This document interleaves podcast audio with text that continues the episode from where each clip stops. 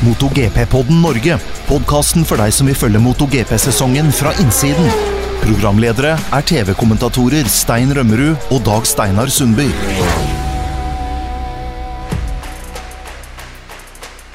Hei og velkommen til MotoGP-podden Norge igjen. Det er hektiske dager, masse løp som kjøres, og da er det på tide med en ny podkast. Og som alltid så har vi med oss Dag Steinar Sundby. Hei på deg. Hei, Stein.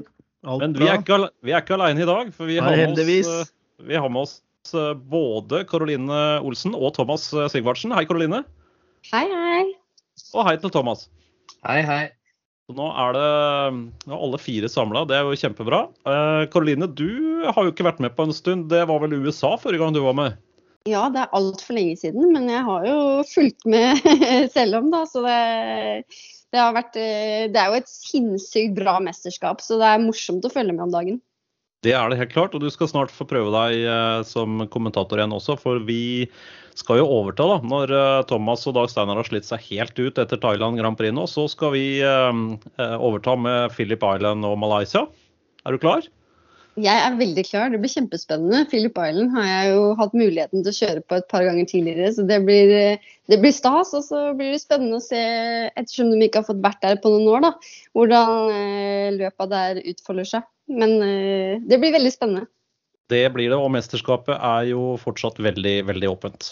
Vi skal eh, i denne podkasten være innom Japan Grand Prix, hva som skjedde der. Litt highlights, og det var jo en eh, spennende helg der eh, vi har fått flere morsomme ting å snakke om. Og vi må selvfølgelig grave litt i hva vi kan vente oss i Thailand, som også skal kjøres allerede nå til helga. Så det kommer vi tilbake til. Det er vel de to viktigste tingene, og vi skal se litt på mesterskapstabellen totalt sett.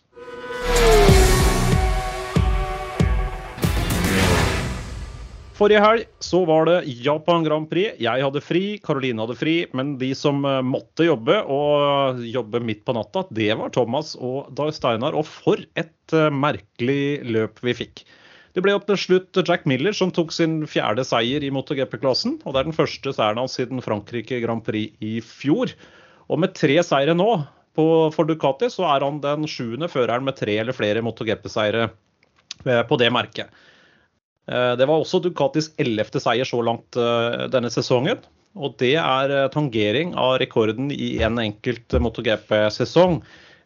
For det merket det satt, ble jo satt i 2007 med, med Casey Stoner.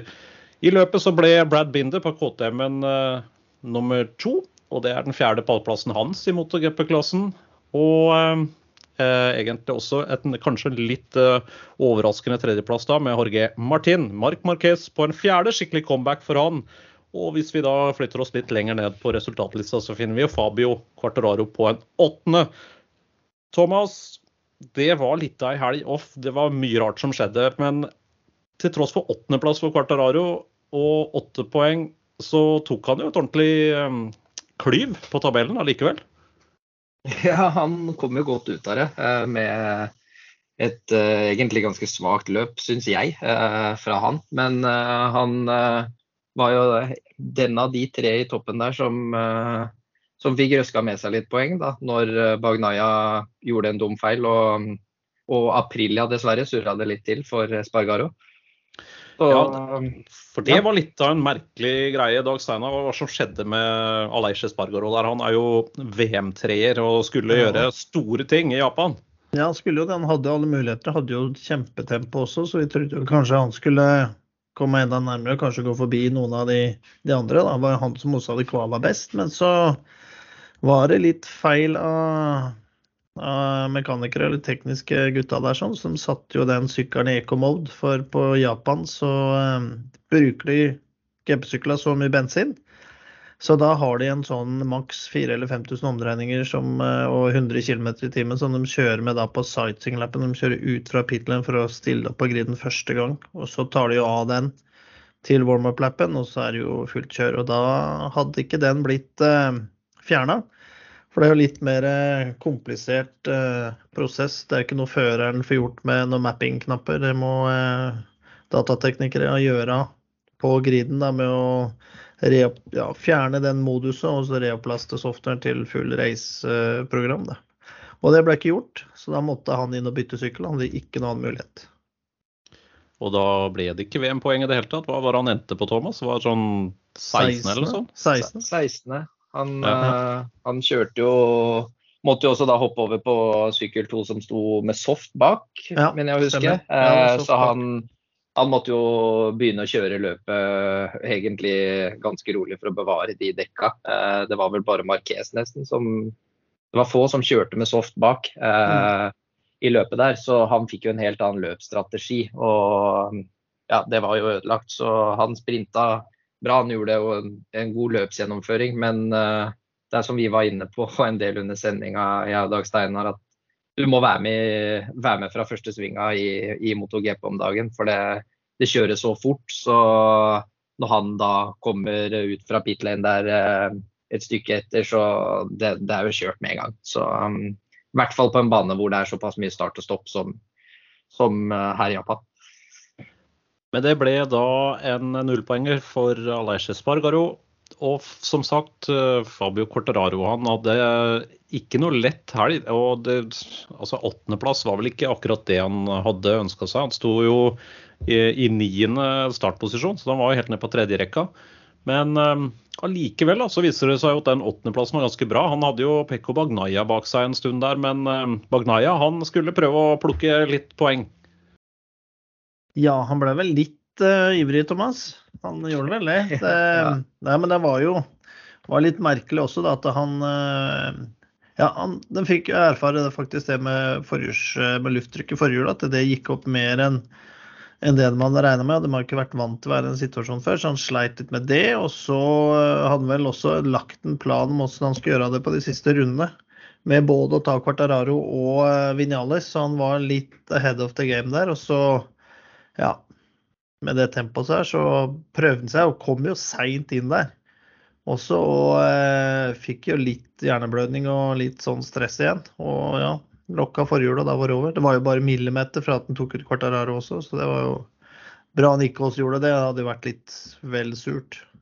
Ja, det var jo Ja, unnskyld. Kjør på du, Thomas. Ja, nei, Han hadde jo egentlig veldig tur der med at han ikke, ikke tok med seg Quartararo. Men han, han virka jo egentlig hele løpet som han aldri liksom fikk satt sin rytme og, og kjørt sånn som han har gjort nå de fem siste løpa. Eh, For eh, jeg hadde jo den Quartararo Bastianini var jo inne der en stund også på starten av løpet, eh, hvor de hadde litt sånn stillingskrig.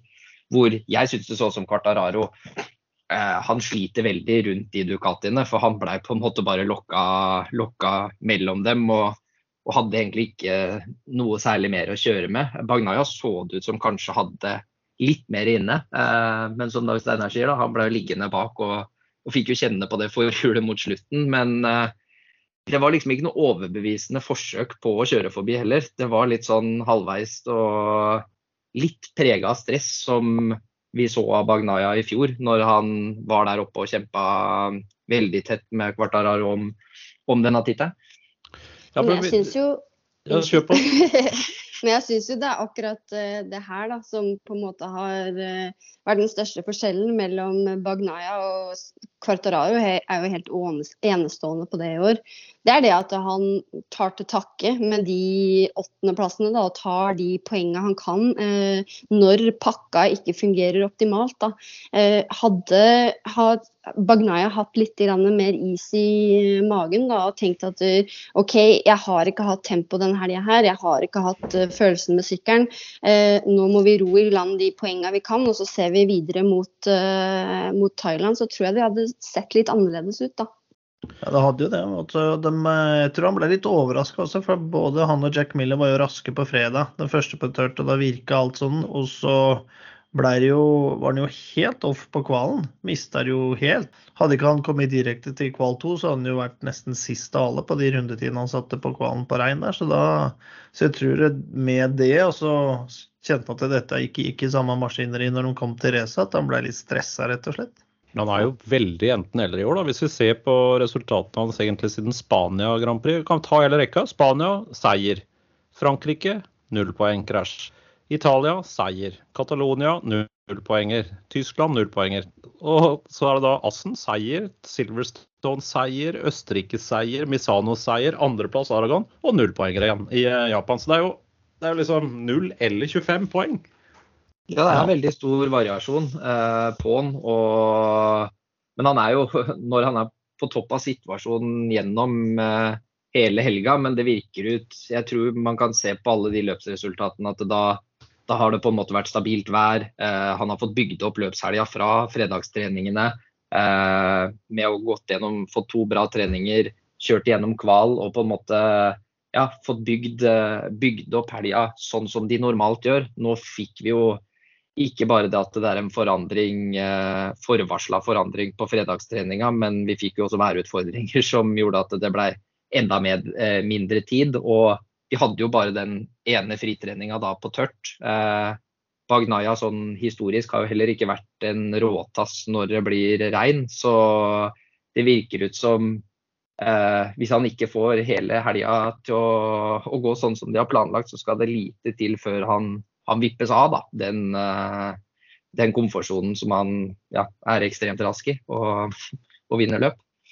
Ja, jeg jeg syns det er fascinerende at en fører som Jack Miller, da, som er Han er jo på egentlig identisk maskinmateriale. Eneste forskjellen på de to er jo at Miller har mer erfaring. Han har kjørt MotoGP-sykkel før på Motegi og er eh, vanvittig rask fra første stund. Han var jo god på fredagen også, på den ene fritreningen som ble kjørt der. De hadde jo ikke to fritreninger, men de hadde én ekstra lang. Eh, og da var han jo der med en gang, og han virka råsterk hele helga. Simon Crafer sa det jo allerede på lørdagen at eh, han spådde jo Jack Miller som en favoritt. Og han hadde jo vært trackside, som han sa. Sto ved en av utgangene der, tror det var ut av Victory Corner, den siste svingen i Montega. Han så at Miller hadde en helt annen drive ut enn det han har sett før. Så så virker som han har endra litt på kjørestil. Han var raskere til å flikke opp sykkelen og få liksom den feite delen av slikset mot asfalten, og det gjorde at han fikk en vanvittig drive. Det jo, men hvor, hvor, hvorfor i alle dager er det så stor forskjell på to så gode førere på samme maskinmateriale? Er det, er det det Thomas sa, med at han har ikke fått brukt fredagen og kjørt seg opp? Tror du det er det? Eh, jeg kan begynne med deg, Dag Steinar, så tar vi deg, Karoline, etterpå.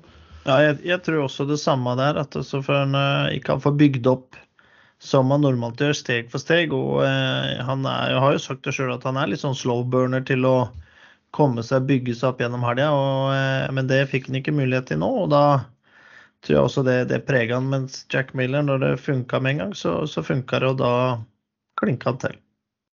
Karoline?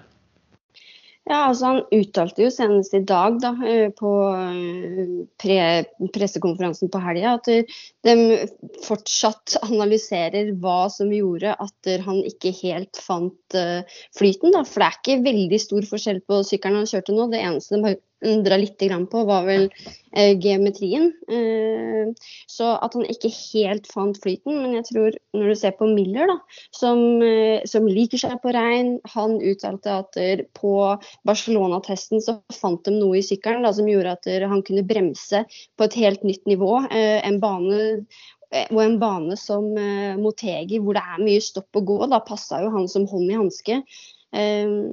Og så er det som Og jeg tror at det, jeg tror rett og slett vi bare så at Bagnaya hadde en uh, dårlig helg, og så Miller hadde en dritbra helg. Uh, og Så tror jeg det blir spennende å se hva Miller kan gjøre nå fremover, når han har sett at han har tempo til å få en så overlegen seier da, mot det feltet her. En selvtillit han kanskje ikke har hatt tidligere. Vi får jo neste episode av det nær sagt i eh, MotoGP-sirkus i år uh, allerede nå til helga. Da skal vi uh, selvfølgelig få en del svar, men vi kan jo oppsummere litt nå. Den åttepoengeren til Quartararo den var gull verdt. For når både VM-toer og VM-treer, Pekko Bagnaia og Aleish Espargaro drar fra Motegi med null poeng i håndbagasjen, så blir det jo et lite sprang for Quartararo sin del. Han kom til Japan med 10 poengs ledelse. Drar fra Japan med 18 poengs ledelse. Det er fire løp igjen. Det er 100 poeng å kjøre om. Eh, hvor stor forskjell er det egentlig på 10 og 18? Er det sånn at han nå får et psykisk overtak, tror du, Thomas, med, den, eh, med det lille løftet han fikk der? Eh, jeg tror ikke det er alle poeng når du kjemper som dem gjør nå, så er det du tar hvert eneste poeng, og, og det er en seier. Men jeg tror ikke Quartararo reiser fra Japan med en sånn kjempegod følelse og føler at han er nå inne liksom i, um, i sin sterke del av sesongen. Uh, for de har noen løp nå som han han uh, må bare prøve å komme best mulig ut av det. Uh, nå på Japan, Thailand delvis, selv om Quartararo ble jo nummer to bak Marquez her i 2019. Men sånn som det løpet har vært nå de to siste åra, så er det litt med de banetypene. Så særlig handler det mest om å få med seg bare mest mulig poeng. så jeg tror ikke han legger seg ned og hviler noe mer nå enn før Japan. Men det er klart, alle poeng gir jo en bedre følelse. Men han kommer nok til å fortsette å være smart sånn som han har vært gjennom sesongen i år. Og ikke prøve å unngå å gjøre noe dumt. Men han vil nok også rette opp litt det han viste i, i Japan. For han overbeviste liksom ikke på, på noen av treningene eller kval. Så jeg veit ikke hva du tenker, Sundby? Nei, jeg tror ikke han har fått noen sånn ekstra selvtillit heller. At dette her nå uh, for det var jo en svak plassering til han være, da, med åttende. Så eh, han skulle jo vært lenger fram. Så jeg tror han bare ja, tar det som det kommer, eh, løp for løp, og prøver å makse det ut hver gang. At jeg tror ikke han føler seg noe At han har fått noe hvilepute liksom, på de åtte ekstra poengene han fikk nå. Så, vi prata ja. jo litt underveis i løpet om at det så ut som han gjorde et lite sånn taktomslag hvor det var uh, sykkelen spratt litt mer, og det så ut som han uh, skulle kanskje gjøre siste delen av løpet med litt mer tempo, men det var jo bare to-tre svinger, og så var det liksom tilbake igjen til litt sånn tam kjøring, på en måte. Det bare gikk stille og pent for seg og gjorde liksom ikke noe forsøk på å komme seg oppover.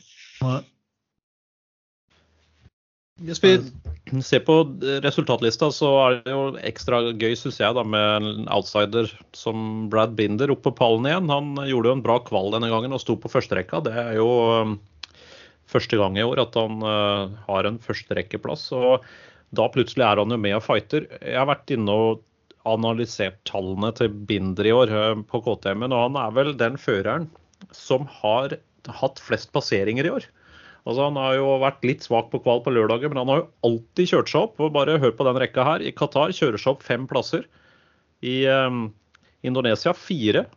Argentina fem plasser opp i forhold til startposisjon og det han kommer i mål på. Det er fem plasser opp i USA. Han tar f.eks.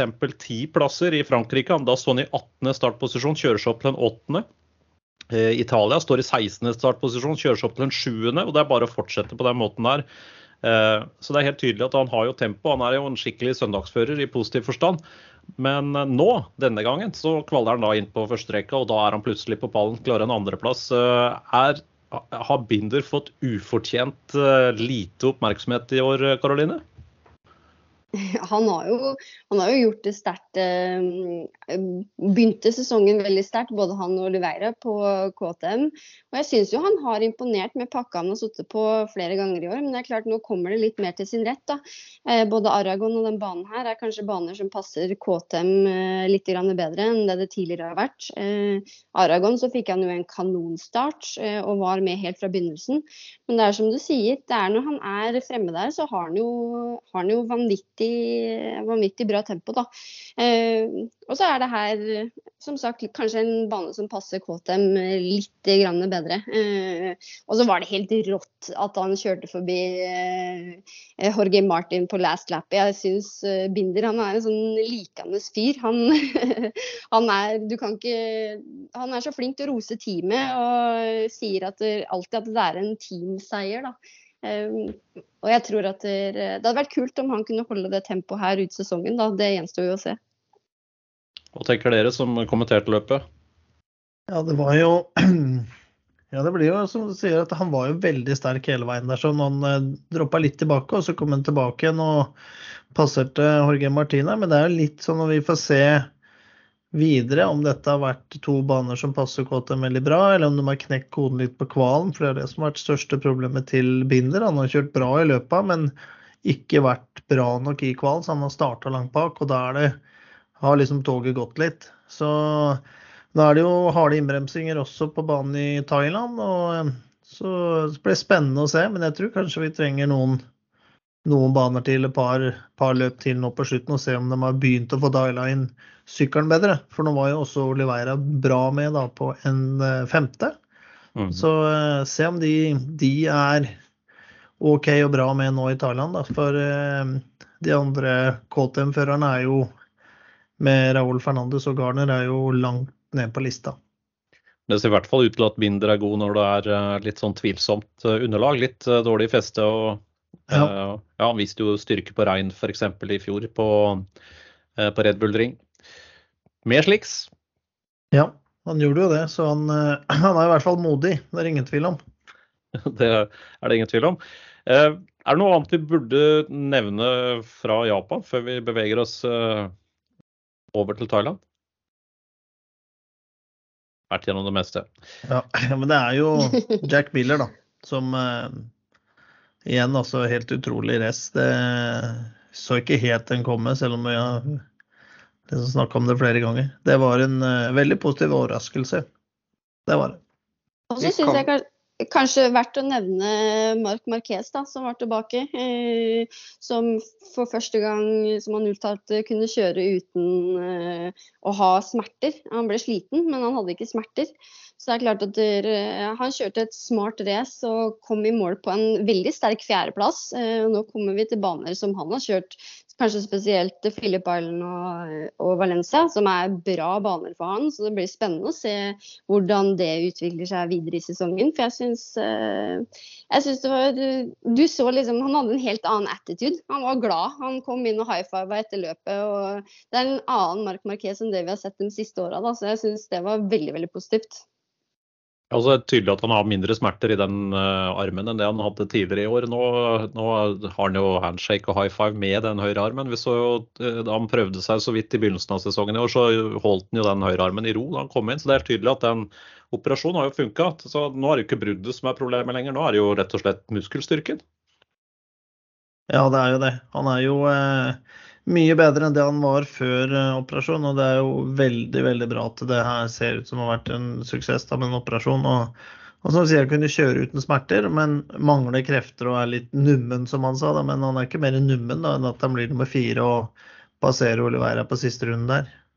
Og så er det jo fascinerende å se hva slags vitamininnsprøytning dette er for Repsol Honda og HRC. Det virker som det er helt annen stemning i teamet der nå. Det er endelig han tilbake. Og de skjønner jo at uh, jo da, det er mulig å kjøre bra med den Hondaen allikevel. Det var noen av enhver som begynte å miste litt trua. De begynte å gå rykter om at uh, Takeo Yokoyama, som er teknisk sjef for HRC, at han skulle ut osv. Men det ser jo litt lysere ut for dem nå, da. Men det, nok en gang, det viser jo bare hvor sårbare de er. Når de bygger en sykkel som bare én fører klarer å kjøre fort med, og den føreren er skada, så er det plutselig ingenting der. Og det er jo ikke første gangen i historien vi har sett det. Og Yamaha er vel kanskje litt i den samme leiren akkurat nå med, med Quartararo.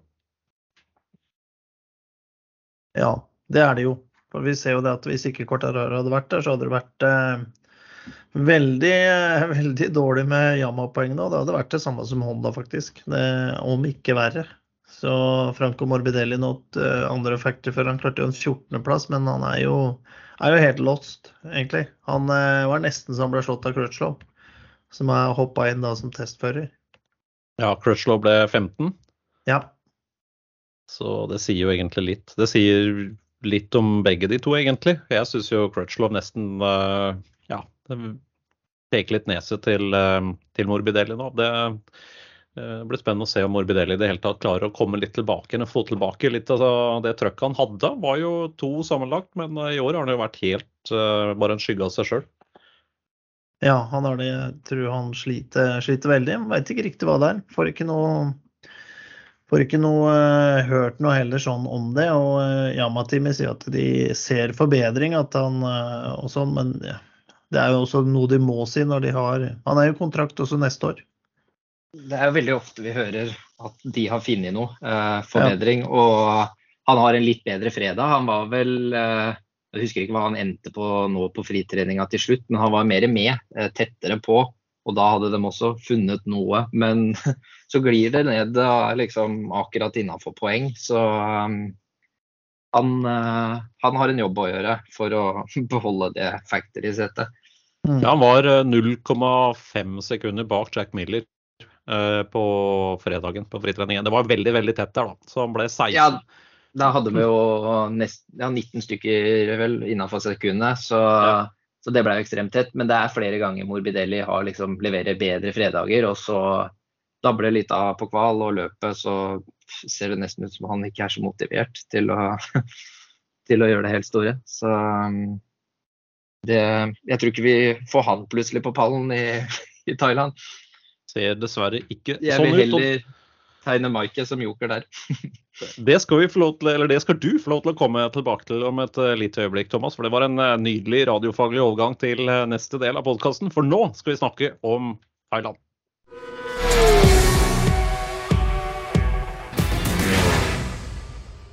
Sesongen går mot slutten. Det er bare fire VM-løp igjen. Og allerede denne helga så er det Thailand Grand Prix. Og det er i Buriram, en høyresvingt bane som er på 4554 meter lang. Lengste rettstrekket 1 km. Det er sju høyresvinger, fem venstresvinger. Og det har bare blitt kjørt to Grand Prix her tidligere. Det var i 2018 og 2019, og det var Mark Marquez som vant begge to.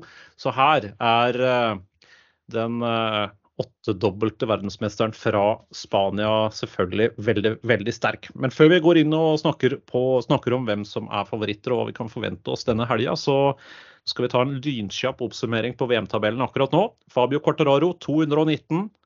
Peko Bagnaya 201 og Aleish Espargaro 194. Det er 100 poeng å kjøre om, for det er fire løp igjen i år. og Det betyr jo at det er Uh, ja, det er sju mann som matematisk kan bli verdensmester i år, som altså er under 100 poeng fra uh, Fabio Cortararo. Men det er de tre i toppen det dreier seg om. Det er Fabio Cortararo, det er Peko Bagnaya og det er Aleish Espargaro. 18 poeng som skiller de to i tet, og det er sju poeng som skiller andre- og tredjeplassen. Og det er meldt dårlig vær.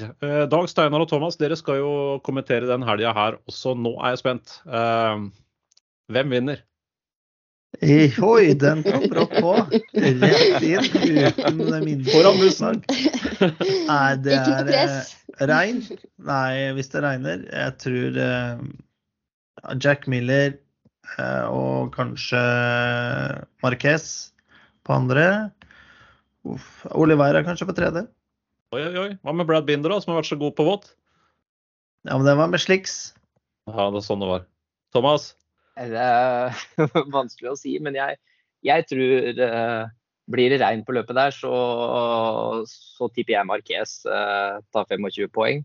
Miller var litt eh, Jeg hadde litt, kanskje litt overtenning når det regna nå på, i Japan, så, men han er jo alltid der når det regner. Og så Oliveira òg tror jeg fort kan gjøre det bra. Karoline? Ja, altså Jeg må jo si meg veldig enig med Thomas, da, men bare for å ikke kopiere han totalt, så får jeg ta eh, Marc Marquez, eh, Miller på andre. Og så eh, har vi jo en liten joker i Petrucci denne her, da.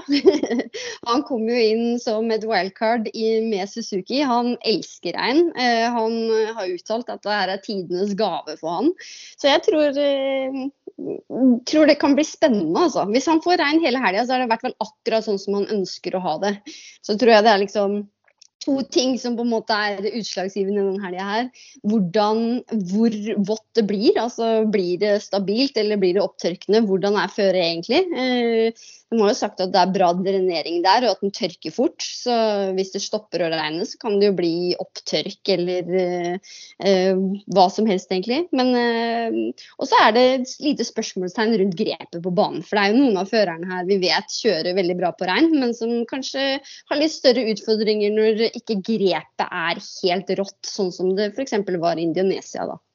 Ja, for Forrige gang eh, MotoGP-sirkuset var i Thailand, så var det veldig eh, vanskelig, særlig på fredagen, fordi banen var rett og slett veldig møkkete. Og Den har vært brukt til både bilkjøring og det rant over eh, diverse ting. og Det var mye, ja, det var dårlige fester, rett og slett. Og Hvis vi ser litt på eh, statistikken her, da, som sagt, så Det første Thai Grand Prix som ble kjørt, det var i 2018. Da vant Marquez. Eh, da var Dovi på andre med en Ducati da, og Maverick Vinales, tre faktisk, den gangen på Yamaha. Uh, og um, i 2019 så gjentok jo da uh, Marc Marquez det. Da sto faktisk Quartararo i pole. så Ducati har bare én poleplassering i Bryram. Det er den andreplassen til Dovi i 2018. Han var også beste Ducati-fører året etter Dovi, men da ble han fire, så han kom seg aldri inn på, på pallen. Så han er jo da faktisk den eneste føreren på europeisk merke som så langt har uh, kvalla inn topp tre og kommet topp tre over målstreken. Suzuki har jo ikke noe veldig bra statistikk her. De har P5 i 2019. Det var Rins som ble femtemann da. Og Aprilias beste MotoGP-resultat der er 13.-plassen til Aleishi Spargaro i 2018. Så her får vi se da hva som eh, vil røre seg den helga her. Det er, det er, vanskelig å spå, syns jeg i hvert fall. Eh, og helt avhengig av vær og føre. Men hva er det noen andre poeng som dere syns er, eh, er, spennende? Du nevnte jo Petrucci, Caroline, eh, og jeg er enig. Han er jo supertent. Han kjører jo i Moto America med en Ducati nå, men han sa at han fikk det tilbudet her. Han er så klar at han hadde svømt til Thailand hvis det var det som måtte til for å kjøre. Så det sier litt. Men uh, han er god på vått, og Suzuken er jo en snill sykkel å kjøre. Men det er, det er en stor overgang. Han har jo ikke testa den Suzuken enda. Thomas, hvor stor uh, sannsynlighet er det for at vi får se Petrucci sånn inne på en topp ti? Er det altfor mye å forlange? Det er, det er, vanskelig å si, men uh, jeg, vil, jeg har ikke noen store forhåpninger til hva, hva, han skal få til. For nå har han vært og kjørt uh, altså en helt annen serie, helt annen sykkel, uh, vært ute av MotoGP-sirkuset. Så det er liksom ikke bare å hoppe inn og så Å jo, jeg liker regn, og så, og så går det av seg selv. så um, jeg tror uh, Når vi har sett liksom differansen fra første til siste her nå med test andre Suzuki nå i, i helga, da, så var det to sekunder han var bak Dag Steinar. Ja, på fredag. 2,2. Eh, ja. ja, på, på tørt. Eh, og, og, var jo da sist. Det sier liksom litt om hvordan nivået er der. Så det, jeg tror det kommer til å Selvfølgelig en kjempemulighet for han, og, og gøy at han er tilbake, Petrucci. Men uh, jeg tror ikke Jeg kommer ikke til å forvente det, det, store av han. Da vil jeg nok heller forvente litt mer av Nagashima, som uh, nå får et wildcard til for Nakagami, da, som, som står av den helga her. Uh, for han syns jeg gjorde en veldig god jobb på, i Japan, og fikk jo kjørt da litt på regn òg, så det er ikke helt uh, nytt for den nå, nå, til helga. Så det, det blir spennende. Petrucci har vel sagt at han er helt avhengig for å ha noen sjanse, sånn at det blir skikkelig drittvær i helga. Så jeg tror uh, han er en sånn, uh, sånn uh, litt sånn spenstig wildcard. Jeg har heller ikke noen store forhåpninger, men det hadde vært veldig kult. da. Ikke bare har han kjørt superbikes det siste året, men uh, det er mye burgere nede i USA, vet du. Det er mye De liker hotdogs, så han sa han er jo ikke i sitt livs beste form akkurat. Uh, og han har jo hatt innhopp tidligere hvor han har vært uh, i tipp topp shape, uh, hvor han fortsatt har slitt, for nivået er skyhøyt. Så, men det kan være et spennende bet, da. Han er jo ikke en, liten, han er ikke en liten fører fra før heller, uh, Petrucci. Så det hjelper kanskje ikke så mye med American fast food. Men uh, det får vi se. Jeg gleder meg til å se det. Men du fortalte oss, du fortalte oss aldri din topp tre, Rømmerud? Nei, du vet hva, jeg er jo programleder, så da slipper jeg. Du. Jo... du gjør ikke det, skjønner du. Der er det bare å komme med det. Ja, det er ikke lett, altså. Det er ikke lett i det hele tatt. Men hvis vi forutsetter at det blir, blir vått, så tror jeg det er litt kjedelig valg, altså, men jeg tror Binder, Miller, uh, Marquez er høyt oppe. Blir det tørt, så tror jeg det er ganske åpent. Og når vi ser på den uh, layouten på den uh, banen her, den er jo veldig sånn Det er egentlig tre rettstrekker eh, på den banen her. Det er jo eh, start og mål da, mellom eh, sving 1 og 2. Altså, de kaller jo sving 2. Det er jo midt på den langsida. For det, det, liksom, det, går en slak, slak venstresving der. Det går jo fort med nedlegg, men det er en hard nedbremsing og 180 graders høyre.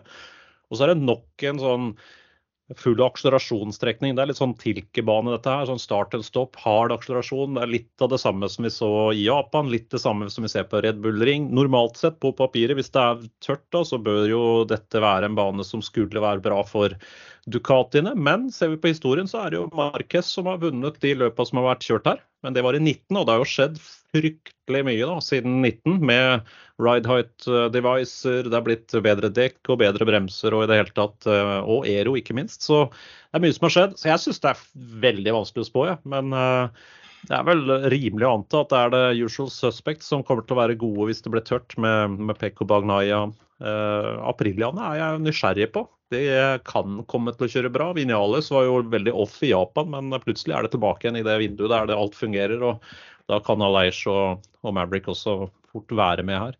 Ellers så er det jo hele Ducati-gjengen, da. Åtte førere, og de plukker jo poeng av hverandre hele tida. Det er kanskje litt av utfordringen også for Pekko Bagnaya, men de virker sterke. Både Bastianini på en god dag, Miller har vi jo sett, og, og Bagnaya. Så nå har jeg nevnt alle sammen i hele feltet, så da helgarderer Du har bare helgardert det.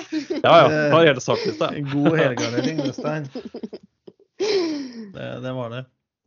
Nei, men det, det, kan bli et bra løp. Det er 26 runder som skal kjøres.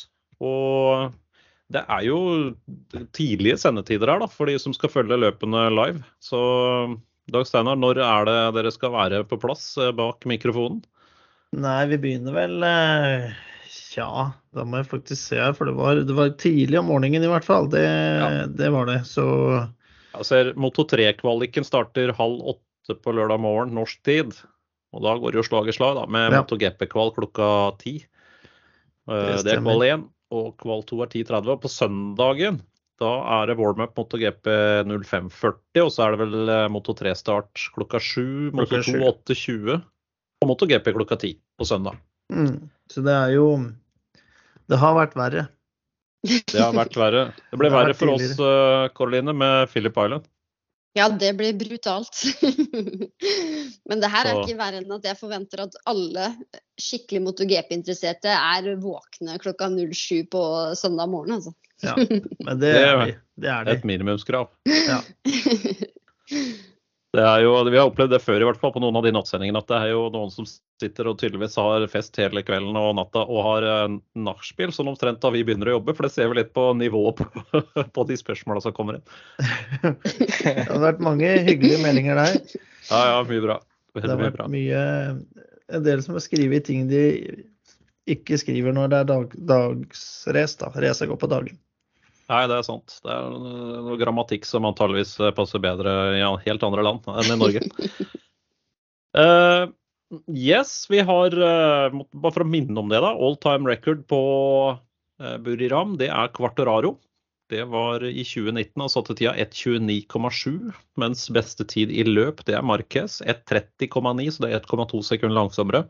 Høy snittfart her. Eh, den tida til Quartararo 182,7 km i timen i snitt, så det er jo en av de to-tre raskeste banene faktisk i snitthastighet da, gjennom hele mesterskapet. Ja, det er det. Det går jo veldig fort der. Jeg tror at vi får se blir det tørt, så får vi nok se en forbedring av Tine der med de nye Ride Hard Device og utviklinga som har gått nå siden vi var der i 2019. Så jeg tror det blir eh, nye banerekorder hvis det er tørt. Ja. Men eh, det skal kanskje litt til med den værmeldinga. Det ser, eh, det ser litt vått ut, det gjør det. Og Eh, en av våre engelske kommentatorkollegaer han uttalte tidligere i dag at han, da han var på vei til Burirambanen, så sa han at det hadde vært så mye nedbør der at de hadde faktisk sett uh, at noen hadde satt ut garn på landeveien der. Så de fiska på veien. Ja. Så det sier litt om vannmengden, da. Det, det blir nok regndekk, ja. ja, det tyder på det. Det blir torsk og hyse på langsida, kan ja. det bli i hvert fall på fredag. Men vi får se. Um, er det noen andre ting som vi burde ha tatt med når vi først er i gang å snakke om Thailand? Nei, men det var litt som Petrucci var inne på det da han kunne prestere. Det er vel første gangen også han kjører rekkefirer. Så hele karrieren hans har vel vært på V4-sykler òg, så jeg tror det blir noe nytt å venne seg til der. Ja. Litt annen motorkarakteristikk, og ikke minst et chassis som kanskje krever en annen kjørestil enn det han er vant til også. Så det blir bratt læringskurve for Petrucci der. Han tapte jo, eller han Det var jo en, en jevn fight med han og Jake Gagne i USA helt til siste løp, som kjørtes nå i helga på Barber Motorsport Park i Alabama. Og han har jo egentlig i hele år egentlig ikke fått sånn uberstor fanskare i USA, for han har klagd veldig mye på banene. Så forhåpentligvis så liker han eh, den banen her litt bedre enn de banene han har kjørt på tidligere i år. Mm. Han har vært ganske frittalende, og det kan jeg forstå også. Det vet jo du alt om, Karoline, eh, banesikkerheten i USA. Men uh, han har vært veldig frittalende. Han visste vel hva han gikk til, så det er litt overraskende at han velger å være så, så rett på sak. Men han har jo kjørt bra på de banene han har vært før. da. Det så jo både på Circuit of the Americas og på Laguna Seca så kjørte han jo veldig bra. og Det er baner han hadde litt erfaring på. Helt klart. Så jeg tror uh, Han, han, visste hva han gikk til. Jeg tror det bare er amerikanerne som er uh, litt, litt, sære og ekstremt patriotiske. Hvis du ikke har uh, Du skal helst bare rose alt som skjer der nede. For hvis ikke du er takknemlig for å være der, så kan du bare dra tilbake dit du kom fra. Men jeg tror han, han, virker ekstremt happy da, for å være tilbake i MotoGP-paddocken. Og han uttalte jo at det er en av hans største på en måte Eh, største ting han har opplevd i karrieren. Da, at han har vært på mange team, eh, jobba med mange fabrikanter, og at de fortsatt ønsker å ha han tilbake i paddocken. Det tar han, eh, det tar han som en stor ære, da. Så han gleder seg. Det gjør vi også. Gleder oss til å se hva både Petrucci og resten av eh, MotoGP-gjengen får til på thailandsk asfalt. Med det så skal vi gå inn for landing for denne gangen. Vi kommer tilbake igjen med en ny episode mellom eh, denne VM-runden som går nå, Thailand og Philip Island blir vel det, da, som er eh, den neste. Så da skal vi snakke litt mer om det som skjedde i Thailand, og også oppsummere VM-tabellen så langt. For dere som uh, følger denne podkasten, trykk gjerne på abonner, enten dere laster den ned på Spotify eller Apple Pod eller hvor dere måtte gjøre det. Da går dere ikke glipp av en eneste episode. Og send gjerne linken til andre MotoGP-fans. Vi har plass til flere serier, vi, som alltid. Uh, Thomas Dag Steinar, lykke til i helga. Takk, takk. Tusen takk. Vi er klare. Eh, jeg har laga sånn anonym eh, e-postadresse nå, så jeg skal sende inn med en haug med vanskelige spørsmål. Så det gleder jeg meg til. Ja, nei, men det gjør vi òg, for da Det er nok ganske lett å kjenne igjen, tror jeg. Så det går nok fint. vi skal svare, vi. Ja. Det er bra. Så skal vi andre følge, følge dere på skjermen. Karoline, eh, tusen takk for at du også ble med den gangen her. Det nærmer seg Philip Island, så du får bare følge med på det som skjer i Thailand. Så får vi masse å snakke om eh, om to VM-runder. Det skal jeg gjøre, vet du. Lykke til i helga, gutter. Tusen takk. Takk, takk. Fint. Takk. Ha det bra. Du har hørt MotoGP-podden Norge med programledere Stein Rømmerud og Dag Steinar Sundby.